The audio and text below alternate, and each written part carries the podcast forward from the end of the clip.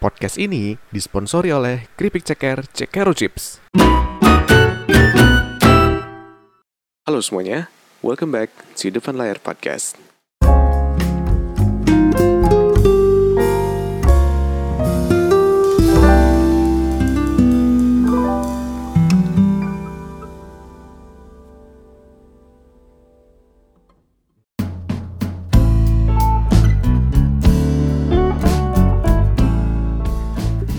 Halo semuanya, apa kabar kalian semua? Apa kabar kalian semua yang dengerin podcast gue hari ini? Apa kabar kalian semua yang baru dengerin podcast gue hari ini?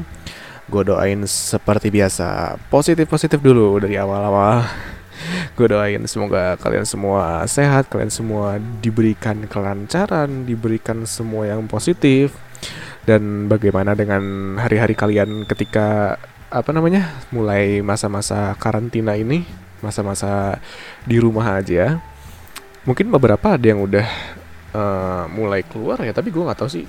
Atau belum ya? Nggak nggak tahu. Lupa lupa. Tapi buat kalian yang masih di rumah dan merasa bosan jangan bosan. Ini podcast menghibur kalian. Tenang ada ada Joshua di sini. Menghibur kalian gitu. Nah uh, apa namanya? Hari ini oh iya sebelumnya sebelumnya. Lupa gue uh, sebelumnya gue mau makasih dulu buat kalian yang udah dengerin podcast gue dari awal sampai akhir atau mungkin yang baru dengerin podcast gue hari ini yang baru subscribe atau follow atau mendengar podcast gue uh, boleh juga kalau misalkan lo mau ngecek podcast gue sebelumnya ada di Apple Podcast ada Spotify YouTube dan Anchor gitu. Jadi lo bisa ya bisa lihat-lihat podcast gue yang lain lah supaya menemani masa-masa ini masa-masa di rumah gitu kan emang enaknya dengerin podcast gitu kan. Nah, terus lama-lama ketiduran gitu. Biar waktu kerasa cepet gitu kan. Nah uh, apa lagi? Oh ya gue juga mau mak makasih juga buat kalian yang udah nge-share yang udah nge-komen yang udah nge-email mungkin atau mungkin nge-DM atau apa pun itulah. Gue makasih banget karena kalian udah mau ngobrol sama gue udah mau nanya-nanya. Jadi kan gue ngerasanya kayak ada feedback dari kalian gitu. Kalau misalkan nggak ada feedback nggak nggak asik sih gitu. Soalnya ya masa dari gue terus pikirannya gitu kan apa obrolannya masa dari gue terus gitu. Asik kalau misalkan kalian ikutan ngobrol sama gue gitu. Nah uh, hari ini hari ini kita langsung ngomongin tentang podcast hari ini ya. Hari ini level up untuk bulan akhir di Maret ini ya pas banget gue recording tanggal 31 semoga uploadnya 31 juga. Pokoknya di hari ini podcast level up yang di mana podcast level up ini sebenarnya gue mau ngambil dari kejadian yang sekarang-sekarang lagi terjadi. Ya pasti lu tau lah dari judulnya aja apa terus uh, apa yang gue mau omongin juga pasti lu udah tau lah gue mau ngomongin apa dari judulnya dan dari apa yang terjadi di sekitar kita sekarang gitu. Oke okay. dan menurut yang terjadi di sekitar kita kalau misalkan kalian tahu pasti tahu lah ya. Sekarang ini uh, khususnya Indonesia yang apa namanya kita tinggal di Indonesia sendiri gitu ya kita merasakan yang dampaknya yang namanya dari uh, virus COVID-19 gitu. Atau biasa disebut dengan virus corona gitu. Nah uh, dengan adanya hal tersebut gue tuh sempat kepikiran uh, mengenai virus ini itu yang di mana jumlah penyebaran itu udah besar, terus jumlah terinfeksinya, terus jumlah apalagi tuh jumlah si orang-orang yang sembuh dan uh, sakit, uh, maksudnya sembuh dan apa tuh sembuh dan meninggal gitu ya, itu juga ada yang men, apa ada yang memuncak, ada yang menurun juga gitu di be beberapa negara gitu kan, dan uh, dari situ tuh gue mulai ngerasa bahwa oh asik juga sih gue ngomongin ini. Cuman gue nggak mau ngomongin tentang virus ini. Karena apa? Karena tentang virus ini tuh semua orang kan bisa lihat di Google gitu, atau di YouTube atau di mana misalkan di WHO atau di CDC atau di ya apa pun lah Menteri Kesehatan atau apa gitu. Lu bisa belajar dari apa Instagram dari orang-orang yang ngajarin tentang virus ini. Nah Kenapa gue nggak mau ngomongin tentang itu? Gue mau ngomongin tentang virus sebelumnya, virus atau bisa dibilang pandemik penyebaran eh, penyakit sebelumnya yang terjadi seperti ini. mirip-mirip seperti virus corona ini, tapi lebih fatal, lebih besar, dan lebih membunuh banyak orang gitu. Nah, maksud gue di sini tuh, maksud gue apa namanya share tentang ini tuh bukan untuk nakutin. Sebenarnya gue mau share ini tuh karena gue pengen gue pengen supaya kalian itu tidak cum tidak melihat corona itu sebelah mata gitu. Tidak melihat uh, tentang apa namanya pandemik ini tuh cuman kayak ah paling cuman penyakit biasa atau gimana gimana gitu dan gue juga mau ceritain ini juga supaya kalian nambah uh, pengetahuan gitu. Karena kan yang namanya level up kan emang kita sharing ilmu ya supaya kalian juga nggak cuman dengerin cerita hidup gua gitu. Gak cuma dengerin cerita hidup gua atau ngedengerin apa ya ngedengerin cerita hidup teman-teman gua dan orang lain gitu kan. Tapi gue juga pengen kalian selain mempelajari tentang pelajaran hidup belajar tentang ilmu sains juga gitu. Dan habis itu uh, tentang COVID-19 COVID-19 itu kan lagi di, sering diomongin gitu ya. Lagi banyak diomongin tapi yang ngomongin tentang yang gue mau ngomongin sekarang ini itu jarang jarang maksudnya kayak nggak semua orang pengen tahu gitu. Dan gue pengen share ke kalian supaya kalian tahu gitu. Nah dan yang terakhir uh, alasannya gue pengen bikin ini juga karena banyak banget orang yang panik dan uh, takut banget sama virus ini gitu. Padahal sebenarnya lu harus takut sama sama sama sesuatu yang gue mau ngomongin hari ini gitu. Oke okay udahlah capek gue ngomongin tentang alasannya karena alasannya terlalu banyak gitu ya. Terlalu bejibun banget gue ngomong-ngomongin tentang itu. Uh, oke okay, langsung aja masuk ke dalam si topiknya. Seperti kalian lihat di judul mengenai pandemik yang terbesar gitu bisa dibilang salah satu yang terbesar gitu ya. Jadi gini mengenai pandemik ini uh, ini tuh terjadi ketika di tahun sekitar 1300-an lebih tepatnya itu sekitar 1346 sampai tahun 1353 gitu. Itu lama banget dong. Sudah lama banget, tapi ini adalah salah satu penyakit yang bener-bener fatal banget. Penyakit yang bener-bener menakutkan banget, penyakit yang lebih lebih lebih menakutkan dari yang sekarang terjadi belakangan ini gitu. Nah, oke. Okay. Apa nama penyakitnya? Nah, nama penyakitnya adalah The Black Death. Nah, The Black Death itu biasa juga disebut, uh, disebut sebagai The Bubonic gitu. Maksudnya The Bubonic itu apa? Gini, ini tuh adalah sebuah penyakit yang ini gue ceritain dulu ya backgroundnya. Jadi si penyakit ini tuh ini tuh terjadi ketika tadi yang gue bilang tahun 1346 sekian dan itu tuh terjadi di daerah Eropa kebanyakan di Eropa sampai nyebar juga ke daerah Eurasia. Eurasia tuh kayak semacam ya daerah-daerah Eropa perbatasan Eropa dan Asia gitu. Dan ini tuh di apa namanya di seluruh dunia sendiri. Di seluruh dunia sendiri itu total kematian yang disebabkan oleh the Black Death sendiri itu adalah sekitar 70 sampai 200 juta manusia. Sementara pada saat itu jumlah penduduk manusia itu tuh hanya sekitar 500 sampai 600 juta manusia. Yang which is penyakit ini sudah menyiapkan hampir setengahnya dari populasi manusia di muka bumi. Ini benar-benar menakutkan sekali gitu kan. Nah, sebenarnya kenapa sih kok bisa dibilang ini penyakit paling menakutkan? Dan gimana sih caranya kok bisa kok apa namanya kok bisa sih bisa sampai melenyapkan banyak orang kayak gitu? Jadi sejarahnya itu terjadi ketika di uh, pelabuhan yang namanya Sicilian. Gue nggak, gue kurang tahu Sicilian itu di mana ya. Cuman namanya pelabuhan Sicilian. Jadi ketika itu ada sebuah perahu gitu, perahu dagang lah ya kan zaman dulu kan masih pakai perahu gitu ya. Mereka tuh berdagang, terus sampailah salah satu ada perahu uh, kapal gitu ya, kapal dagang gitu, nyampe ke pelabuhan ketika nyampe di pelabuhan si orang yang kayak semacam kayak penjaga pelabuhannya lah dia datang dia ngelihat di dalam pelabuhan uh, di dalam kapalnya itu ternyata ada sesuatu hal yang sangat amat uh, mengejutkan gitu. Ternyata yang terjadi adalah di dalam perahu tersebut di dalam kapal tersebut itu tuh ada sekitar 7 sampai 10 orang uh, pelautnya dia tuh meninggal. Meninggal gara-gara somehow dilihat si kulitnya itu udah mulai menghitam menghitam terus kayak pokoknya mukanya pucat banget terus si kulitnya menghitam dan ya seperti itulah. Kita jarang dong lihat kulit yang apa kulit manusia yang menghitam gitu kan. Sehingga ter, uh, si penjaganya itu bilang nggak nggak kalian harus pergi pergi pergi pergi. Gue nggak suka ngelihat yang namanya penyakit kayak gini. Tapi ternyata si virus tersebut, penyakit tersebut itu sangat amat ganas sekali. Sehingga ketika si penjaganya bilang pergi, itu udah terlambat. Ternyata hanya butuh waktu beberapa detik aja ketika si penjaganya ngomong eh, penjaganya mengusir mereka, ternyata si virusnya itu udah pindah ke si penjaganya itu gitu. Virusnya itu udah masuk, udah menginfeksi si penjaganya itu.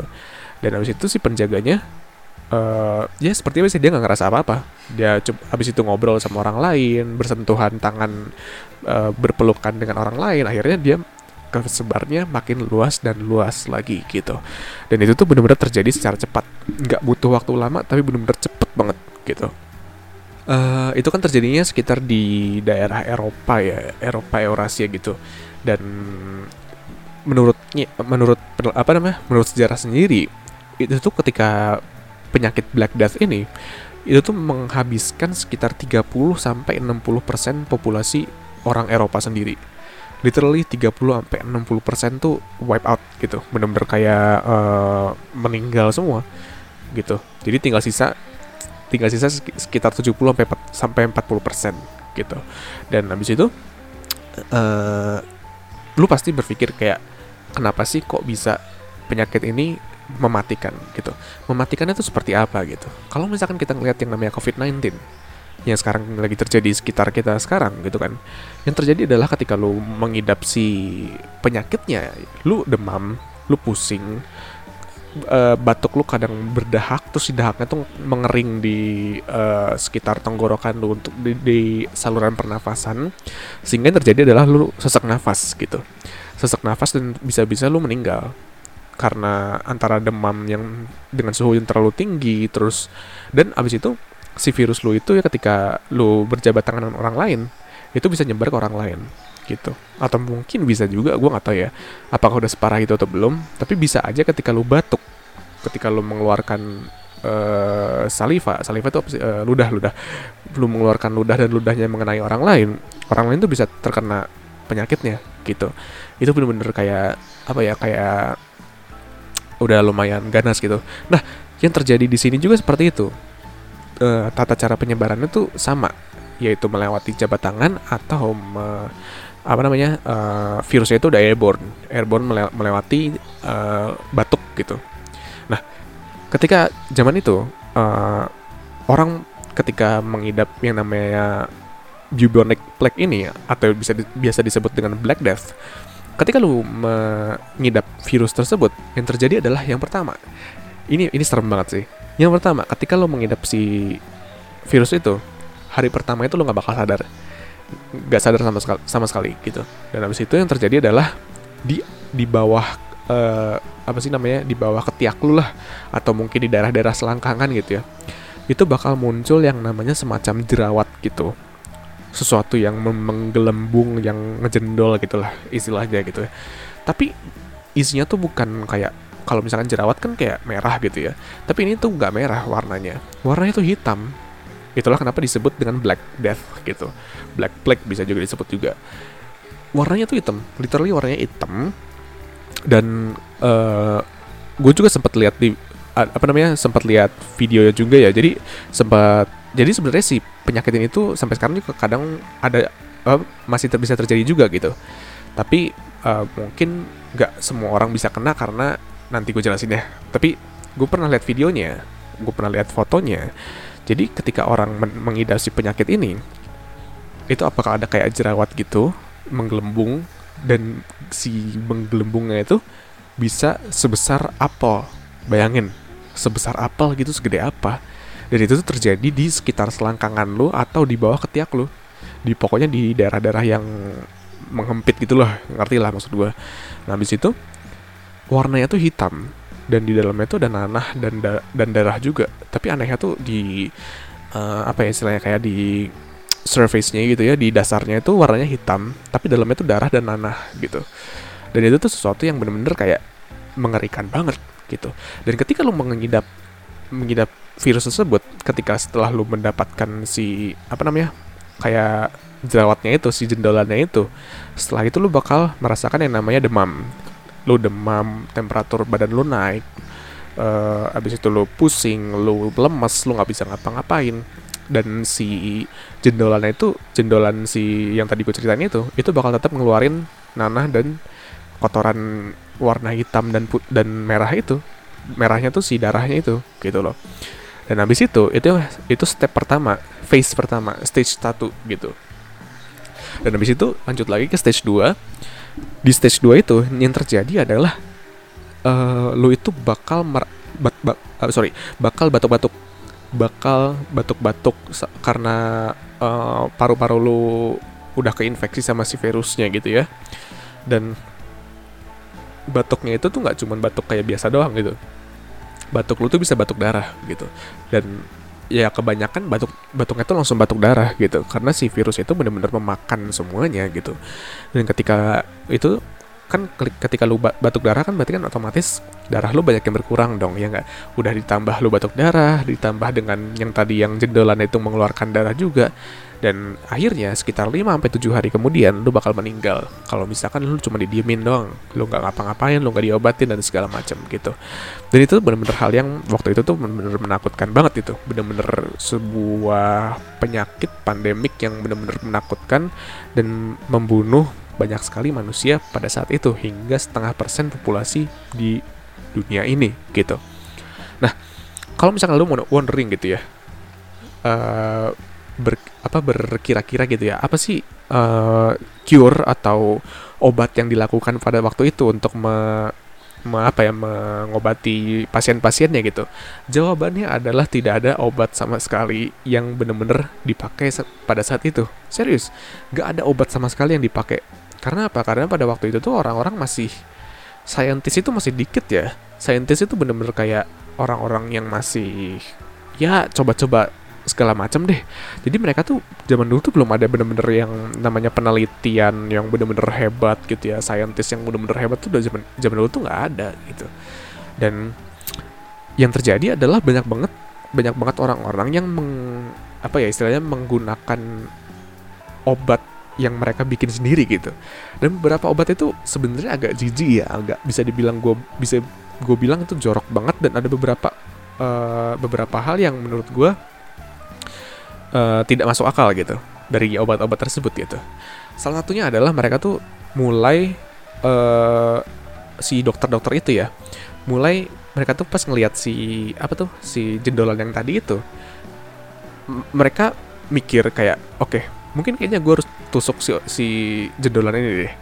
Sehingga mereka tuh mulai nusuk si jendol, jendolannya supaya mereka yaudah yang penting darahnya dialirin keluar dulu supaya darah, darah kotornya hilang gitu gue gue awalnya mikir kayak ya bener juga sih bisa aja mungkin si darahnya kotor jadi lu harus bisa keluarin dulu dan tapi yang terjadi adalah uh, orang itu malah kehabisan darah lebih cepat dari sebelumnya gitu dan ada juga mungkin uh, dokter-dokter waktu itu tuh mulai mengamputasi si orang ya, mengamputasi di tangannya lah, di kakinya lah. Tapi yang terjadi adalah si virus ya mulai lagi jendelannya muncul lagi di tempat-tempat yang tidak semestinya gitu, di tempat yang tadi udah diampu diamputasi gitu.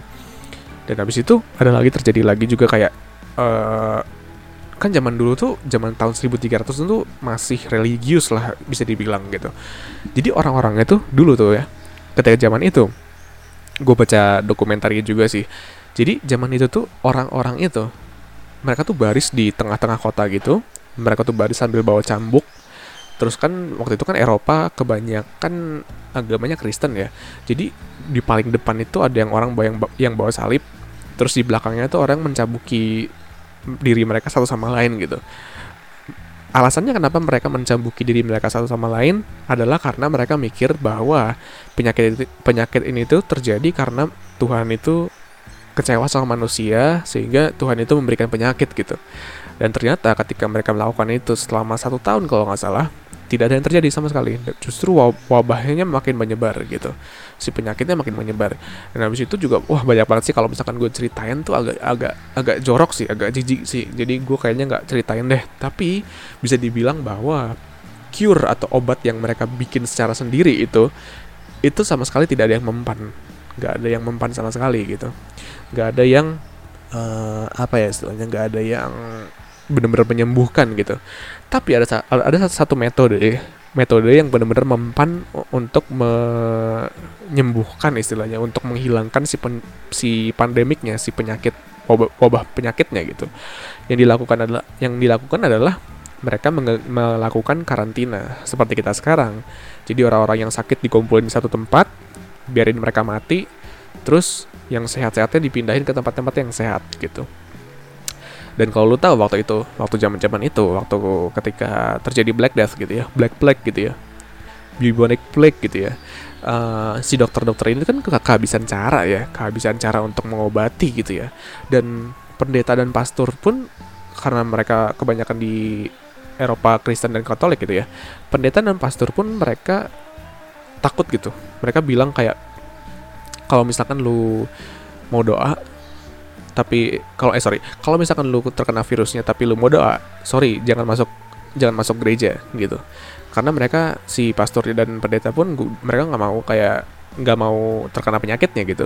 Dan dokter pun dokter pun nggak udah udah nolak sama orang-orang yang terkena penyakit ini gitu. Mereka nggak mau ter, uh, merawat orang-orang ini karena mereka nggak tahu caranya untuk me, apa ya untuk menghilangkan si virusnya itu si penyakitnya itu gitu loh dan habis itu ketika terjadi beberapa lama itu sekitar lima tahun 10 tahun ya kalau nggak salah.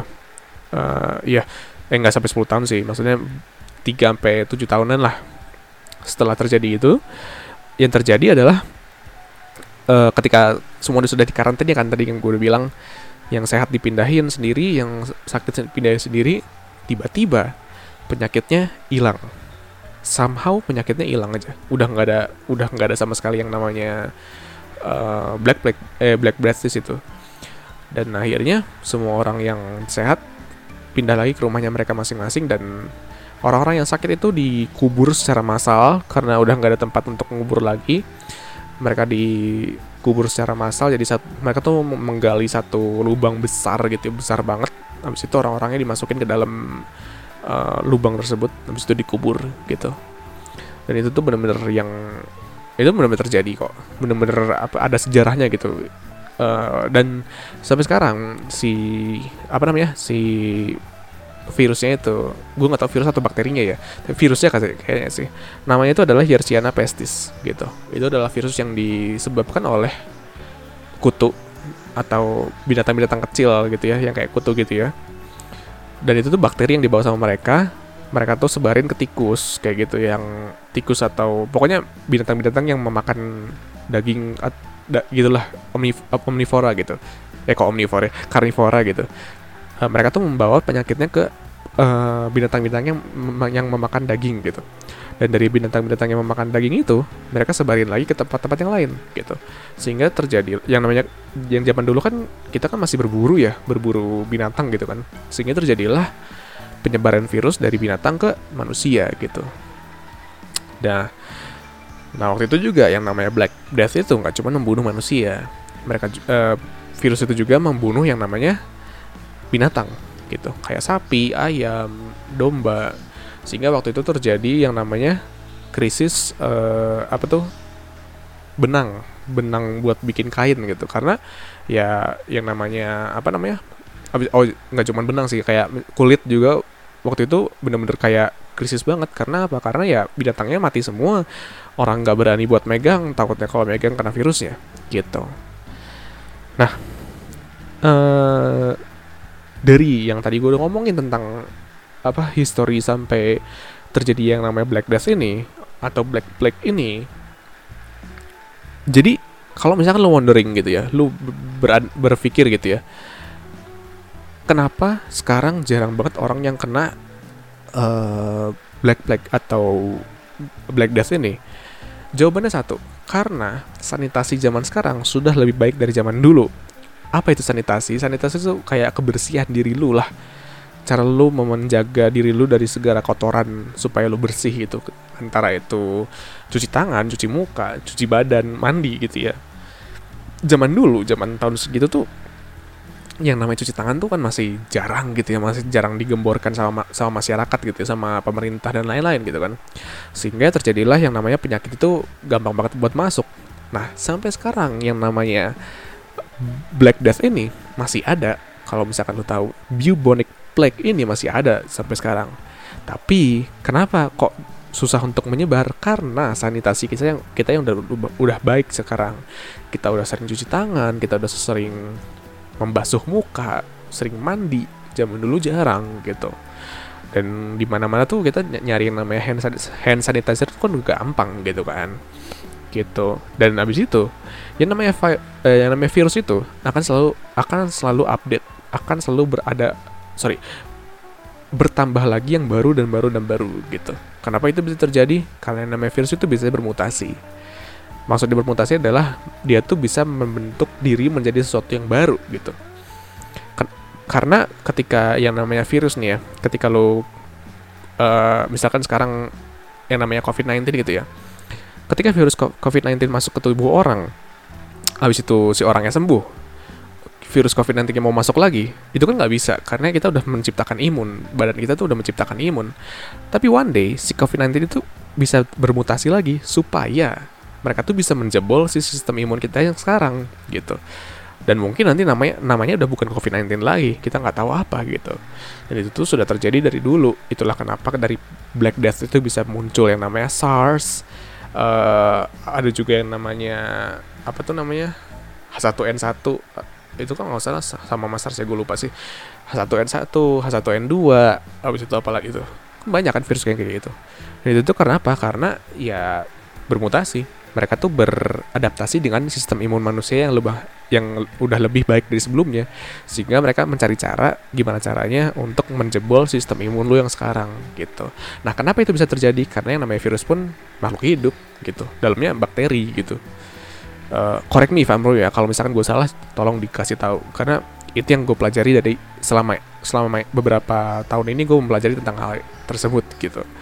Jadi kalau misalkan ada yang salah, tolong kasih tahu gue gitu, oke? Okay? Nah, Habis itu yang terakhir nih ya. Terkadang yang namanya alam itu suka ikut campur gitu. Tadi kan gue udah cerita tuh yang terakhir tuh ya.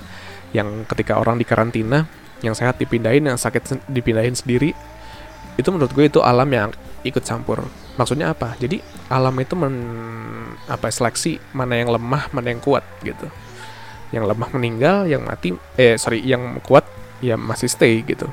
Dan itu tuh yang terjadi di COVID-19 sekarang juga bukan di Indonesia ya, tapi di Belanda. Kalau misalnya lo tahu. Jadi di Belanda itu tidak ada lockdown sama sekali. Pemerintah justru bebasin orang-orangnya. Justru mereka pemerintah tuh pengen masyarakatnya sakit. Biar apa? Biar mereka menciptakan yang namanya imun gitu. Imun supaya nggak ter, terkena terjangkit lagi COVID-19. Dan di situ terjadilah yang namanya seleksi alam. Yang kuat bakal stay, yang uh, apa namanya tidak kuat bakal mati gitu aja ya itu yang terjadi di Belanda sekarang gitu nah habis itu udah sih gitu aja jadi maksud gue di sini adalah gue pengen ngasih tau ke kalian bahwa yang namanya COVID-19 itu lu nggak bisa pandang sebelah mata. Lu harus bisa menjaga sanitasi lu. Sanitasi lu penting loh. Gue aja ketika mendengar yang namanya COVID-19 itu ya, uh, terus orang-orang bilang kayak hand sanitizer, hand sanitizer itu mahal gitu ya, dan udah mulai habis stoknya gitu. Gue tuh merasa bersyukur. Kenapa? Karena gue tuh selalu sedia hand sanitizer setiap tahun. Udah udah dari lama banget. Gue udah dari 3-4 tahun lalu gue selalu sedia hand sanitizer setiap harinya gitu. Dan itu tuh sesuatu yang menurut gue kayak uh, penting waktu buat hidup gue jadi ketika kemarin ada kelangkaan hand, hand sanitizer gue masih punya beberapa gitu. Karena gue udah beli dari beberapa bulan yang lalu udah dari tahun lalu gue beli gitu sebelum ada virus ini gitu. Jadi bener-bener yang namanya sanitasi itu penting banget. Itu harus banget lu punya. Supaya apa? Supaya terhindar dari segala virus dan penyakit dan bakteri yang buruk lah istilahnya. Gitu. Sampai sini aja podcast kita hari ini. Uh, semoga kalian suka sama podcastnya ya. Gue ini share aja sih. Semoga kalian dapat ilmu banyak gitu ya. Jangan meremehin yang sekarang lagi terjadi gitu ya. Di rumah aja jangan ke mana-mana. Inget uh, nurut sama pemerintah karena kalau misalkan lu pede sama diri lu kalau diri lu nggak bisa kena covid-19 tapi bukan berarti orang-orang yang lu sayang itu nggak bisa kena covid-19 dan mungkin bis mereka bisa mati karena hal itu. Itu sudah hal yang alam berikan buat kita gitu. Nah gitu aja. Uh, sampai ketemu lagi di podcast selanjutnya ya. Jangan lupa kalau misalkan gue salah tolong kasih tahu gue gue juga ya gitulah gue cuma pengen share doang gitu oke okay? sampai ketemu lagi di podcast kita selanjutnya gue Joshua dan goodbye